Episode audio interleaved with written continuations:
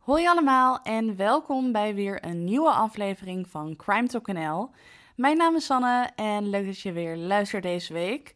Ehm, zoals altijd hoop ik dat het goed gaat met jullie, uh, met mij ook wel. En deze week wil ik het weer gaan hebben over een Belgische zaak. Want dat is alweer eventjes geleden. En de Belgische luisteraars vonden het toen erg ja, interessant. Ik vind het leuk dat het een beetje een gek woord in, uh, in het geval van true crime. Maar uh, die vonden het interessant om een zaak te horen uit hun land. Dus toen dacht ik, nou, dat ga ik gewoon weer doen. Bij de vorige aflevering had ik best wel veel tips gekregen van de Belgen over welke zaken ik kon doen. En daar ben ik een beetje naar gaan kijken. En uiteindelijk ben ik uitgekomen bij een bepaalde zaak. En dat is de zaak van Gert van Rooij. En de zaak staat ook wel bekend als de golfmoord. En zoals gewoonlijk begin ik met de achtergrondinformatie. Uh, moet ik er wel even bij zeggen. Ik heb het gevoel alsof ze in België wat minder uh, details geven, uh, wat minder informatie. Dus ja, er is iets minder achtergrondinformatie dan met de Nederlandse zaken. Maar ik ga gewoon vertellen wat ik wel heb kunnen vinden. En dat is dat uh, Gert van Rooij een 30-jarige man uit uh, was. Dat is een plaats in de provincie Antwerpen.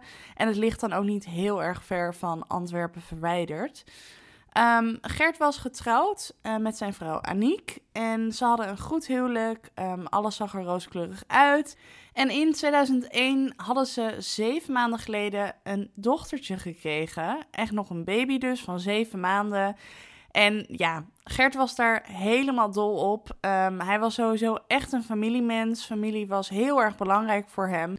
En verder was Gert heel erg verantwoordelijk. Uh, een verstandige man. En qua uiterlijk, Gert had kort donker haar. Ja, gewoon een ja, mannenkapsel. Uh, grote ogen, een slank postuur. Um, ik zal een foto plaatsen op Instagram. En verder qua werk, Gert werkte op de Lielse Golfclub.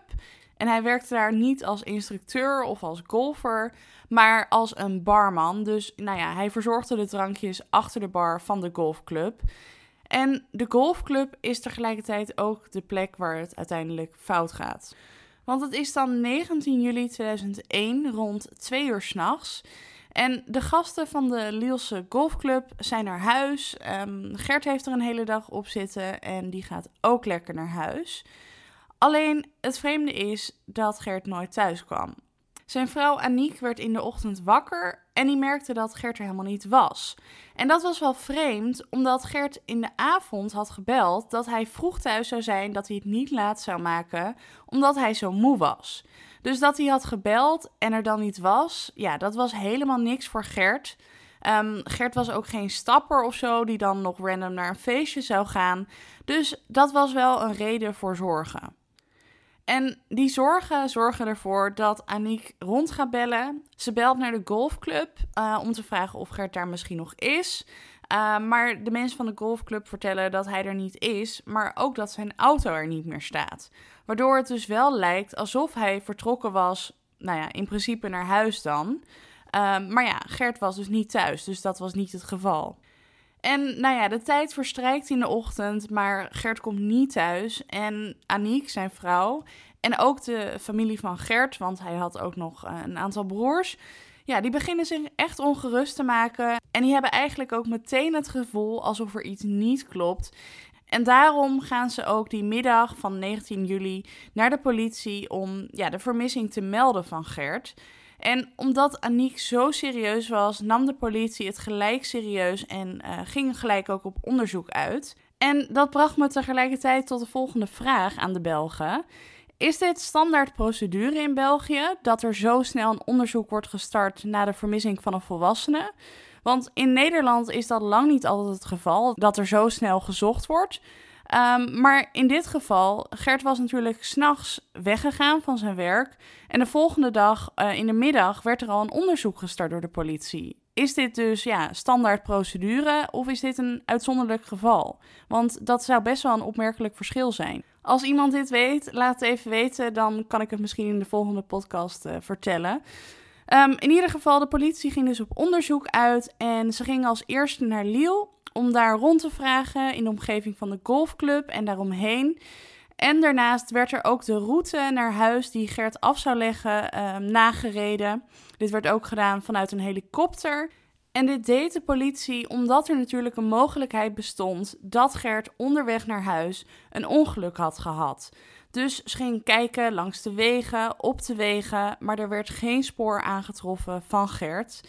En samen met vrienden, familie en de politie is er ook de hele nacht doorgezocht. Dus in de middag waren ze al aan het zoeken. Ze hebben de hele nacht doorgezocht, maar er werd geen spoor aangetroffen van Gert. Maar de politie was niet alleen op het veld zeg maar, aan het onderzoeken. Ze waren ook op het bureau achter de schermen druk bezig.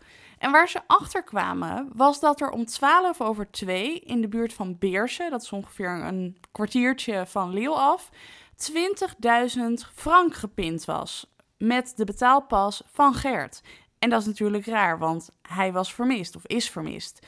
Dus dat was heel erg opmerkelijk. Um, ik kan me ook voorstellen dat je niet weet hoeveel 20.000 frank is. Dat wist ik ook niet. Maar omgerekend is dat vandaag de dag zo'n 500 euro. Maar dat was niet de enige keer dat de pas nog gebruikt is.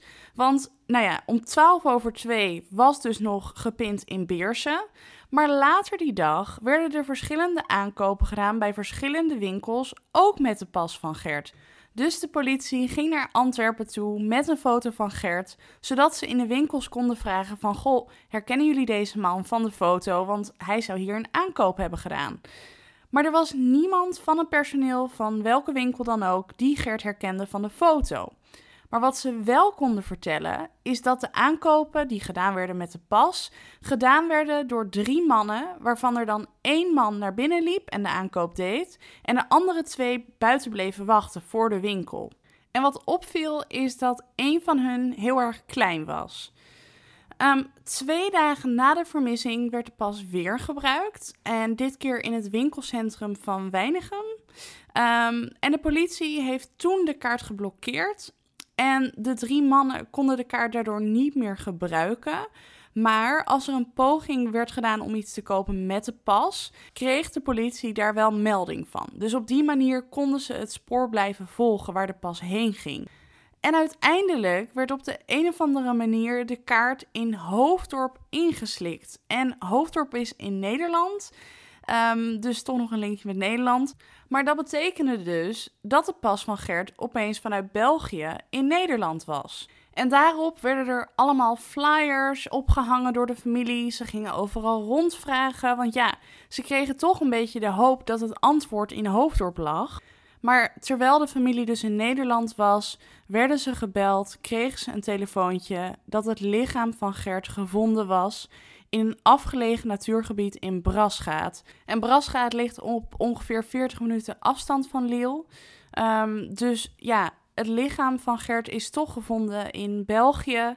En dat was uiteindelijk zes dagen na zijn vermissing. En toen Gert gevonden werd, lag hij in het water. Zijn handen waren op zijn rug gebonden door middel van tie wraps. En het werd al snel duidelijk dat hij om het leven was gebracht door middel van kogels in zijn rug. Dus ja, dat is echt een vreselijke dood. En hoewel het lichaam van Gert gevonden werd, waren de daders nog altijd spoorloos. De politie was natuurlijk hard op zoek naar de daders en uiteindelijk kregen ze ook een nieuw aanknopingspunt.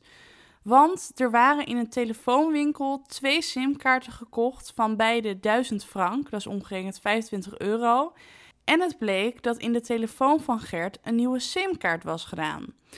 En de provider van die simkaart kon de politie vertellen dat die kaart op de naam stond van de 24-jarige Jan Somers, die al een bekende was van de politie. En dat was natuurlijk in het voordeel van de politie, want daardoor hadden ze ook een hele goede foto van hem.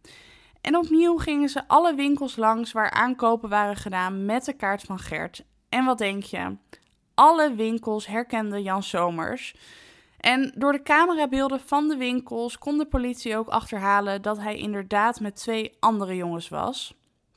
Um, de politie is toen begonnen met het afluisteren van de telefoongesprekken van Jan. En uit een van die gesprekken bleek dat Jan een afspraak had met vrienden om hen te ontmoeten in een café in Turnhout. En dat was voor de politie natuurlijk super, want op die manier konden ze hem daar treffen.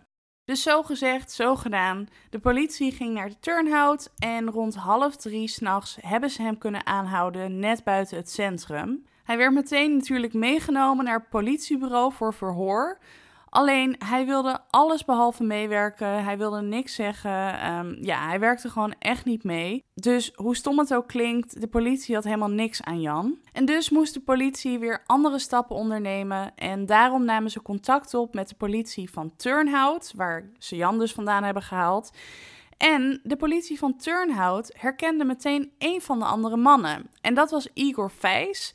En ook hij, je raadt het niet, of wel juist, uh, was een bekende van de politie. En dat betekende dus dat de politie weer een man extra op het spoor was. Um, ze gingen nog meer navragen in de omgeving van Turnhout. En daardoor wisten ze ook de derde naam van de derde man. En dat was Kevin Willemsen. Er volgde toen een arrestatiebevel. En na tien dagen kon de politie Igor aanhouden in zijn huis. Kevin daarentegen was moeilijker te vinden omdat hij geen vaste verblijfplaats had of adres. Maar uiteindelijk lukte het politie toch en konden ze Kevin aanhouden in Lommel, waar hij een kamer huurde op een boerderij. En wat nog een heel eng detail aan Kevin was, is dat hij extreem rechts was. Ehm, zo had hij zijn hele huis gedecoreerd met hakenkruizen, foto's van Hitler. Um, ja, dat geeft al wel een beetje aan dat dit een vrij bijzondere jongen is. Want ja, wie doet dat nou? Um, daarnaast, je raadt het niet, maar ook hij was bekend bij de politie. Uiteindelijk had de politie dus alle drie de mannen opgepakt. En natuurlijk werden ook Igor en Kevin verhoord. En um, zij legden alle twee een verklaring af, eigenlijk waarbij ze dan de schuld bij de ander neerlegden. Maar het was in ieder geval een verklaring. Tot op de dag van vandaag is niet bekend wie nou het initiatief nam, maar uiteindelijk legden ze alle drie een verklaring af die eigenlijk helemaal overeenkwam met de andere verhalen. En daardoor is het verhaal eigenlijk helemaal duidelijk geworden. En dat verhaal begint drie dagen voor de moord, dus dat is 16 juli. Ze gingen namelijk met z'n drieën op stap om uh, een slachtoffer te vinden om te overvallen voor hun pinpas of creditcard. En ze reden toen in de auto van Kevin. Kevin had ook een wapen meegenomen. En als eerste reden ze naar de bouwmarkt om tie wraps te kopen. En nadat ze die tie wraps hebben gekocht, gaan ze ja, rondrijden de hele dag om een geschikt slachtoffer te vinden. Het is een hele rare bewoording. Um, maar dat is wel ja, waar ze naar op zoek waren. Een geschikt slachtoffer om te overvallen. Maar die kunnen ze dus niet vinden. En uiteindelijk gaan ze alle drie naar huis. Om vervolgens de volgende dag weer op pad te gaan. Het is dan 17 juli. En die dag stelen ze een brommer. En hadden ze op de planning staan om een ripdeal te doen. Voor wie niet bekend is met de term ripdeal, um, dat betekent eigenlijk dat je een drugsdealer besteelt van zijn voorraad drugs. Um, dus dat stond op de planning, maar de drugsdealer was er niet, dus ze konden die ripdeal ook niet doen. En dus gaan ze maar weer rijden. En op een gegeven moment komen ze terecht bij de Lielse Golfclub, waar Gert dus werkte. Ze staan dan een tijdje op de uitkijk en ze zien dan dat er nog maar één auto staat. En dat bleek dus de auto van Gert te zijn. Maar er rijdt dan politie langs en ze besluiten om weg te gaan. Dus wederom weer een dag waarbij ze hun plannen ja, niet kunnen uitvoeren. En ze moeten dus weer alle drie gewoon naar huis. Om vervolgens de volgende dag, 18 juli, weer op pad te gaan. Um, en dat is ook de dag waarop het dus wel zal gaan lukken. Um, in eerste instantie rijden ze de hele dag weer rond in de auto van Kevin, maar ook die dag kunnen ze weer geen geschikt slachtoffer vinden. Op een gegeven moment geeft Kevin aan dat hij moe is en hij vraagt aan Jan en Igor om hem af te zetten bij het huis van Igor. Vraag me niet waarom Kevin afgezet wil worden bij het huis van Igor omdat hij moe is. Misschien was het dichterbij. Um, pure speculatie, dat is niet bekend. Maar Jan en Igor zetten Kevin af bij het huis van Igor. En Jan en Igor gaan dan samen weer verder rijden. En ze rijden dan een tijdje, maar op een gegeven moment komt er een barst in de ruit van de auto van Kevin. Kevin die ze dus net hadden afgezet. En ze hebben toen de auto achtergelaten en ze zijn verder gaan lopen.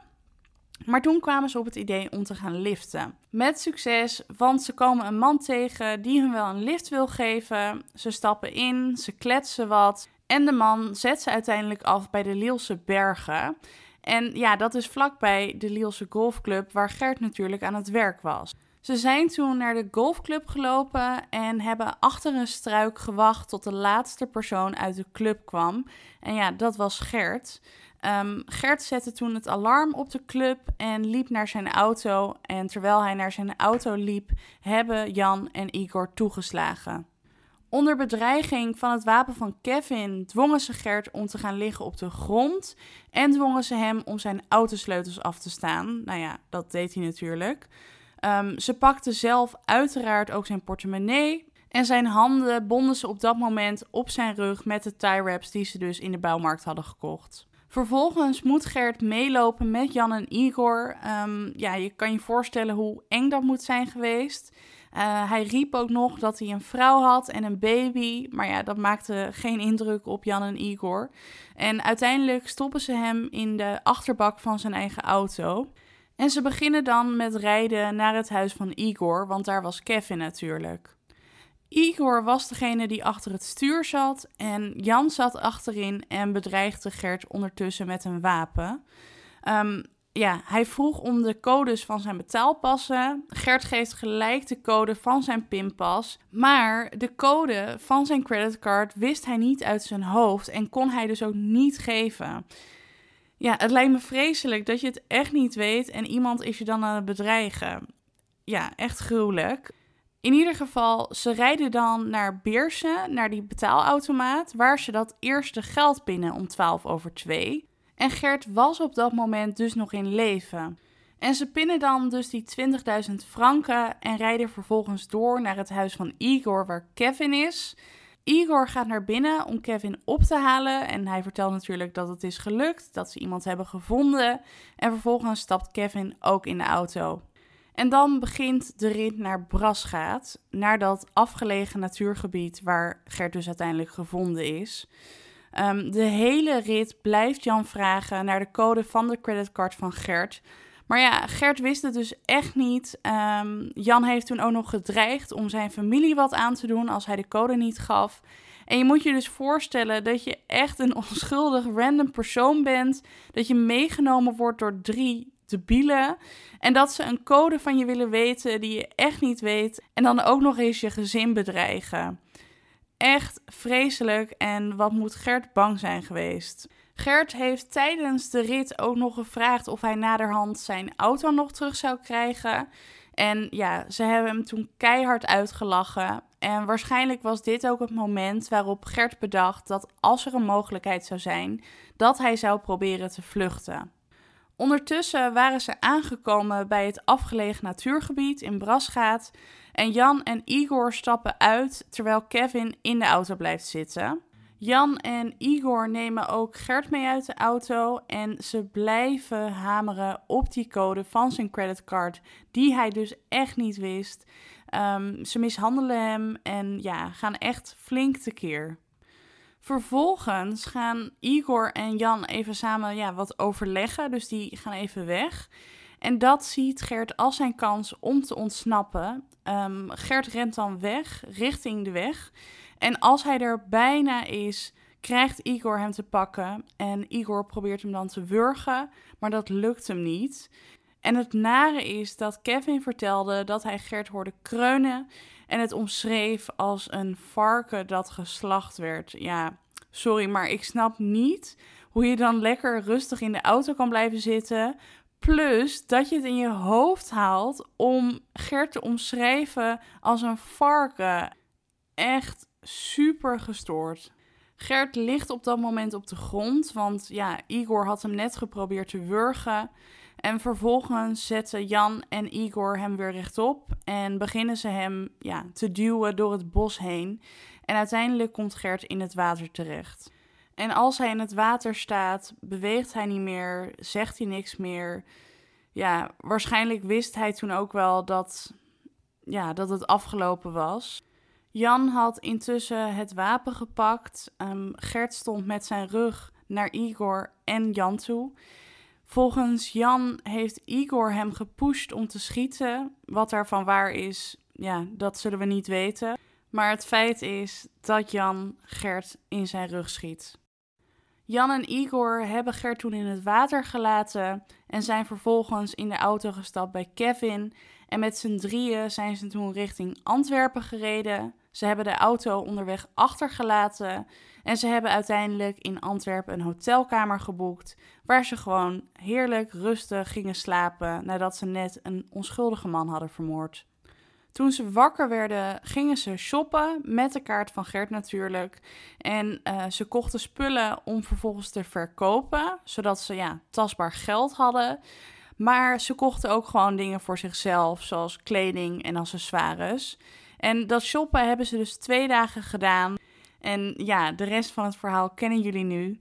Um, uiteindelijk zijn ze alle drie opgepakt en hebben ze ook alle drie de moord bekend. En nadat ze bekend hadden, werd er ook naar hun alle drie een persoonlijkheidsonderzoek gestart.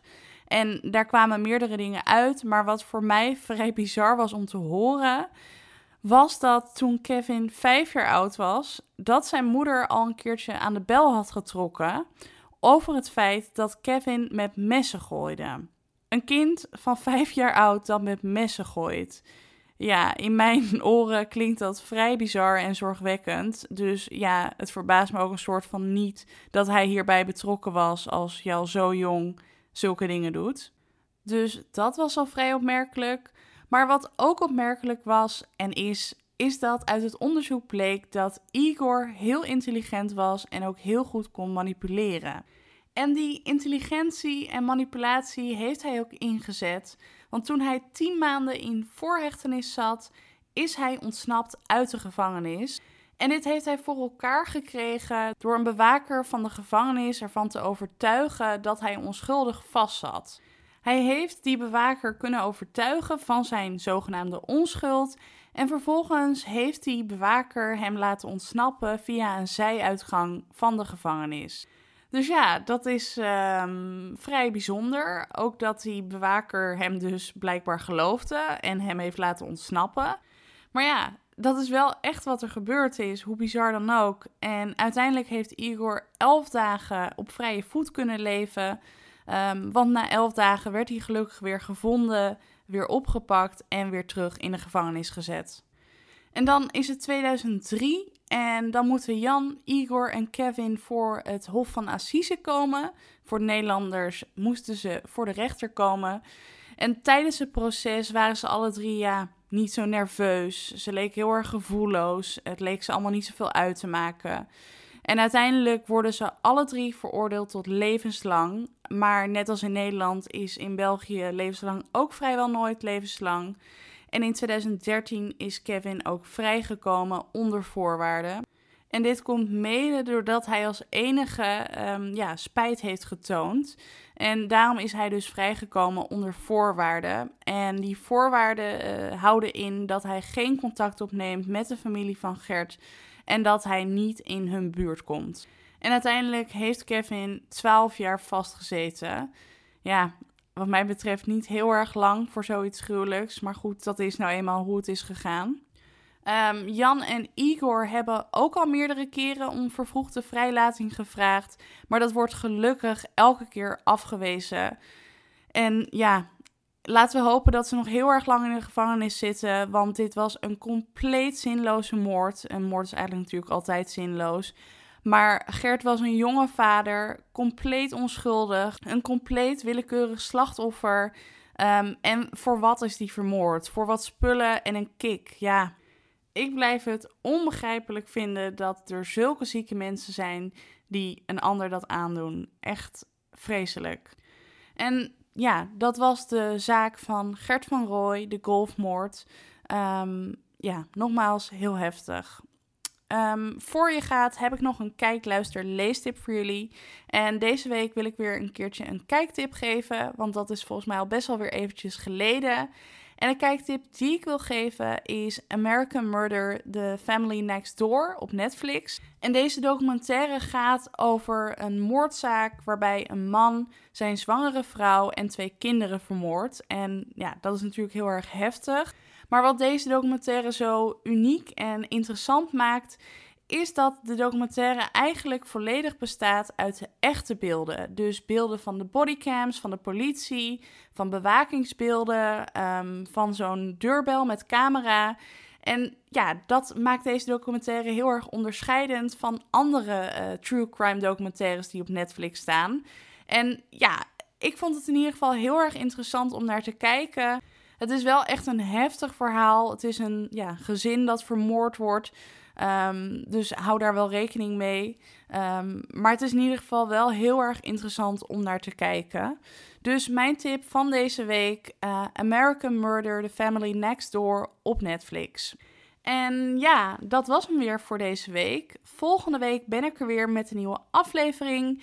In de tussentijd kun je me volgen op TikTok en op Instagram, CrimeTalkNL. En ja, voor nu wil ik je een hele fijne week toewensen. Bedankt voor het luisteren en tot horens.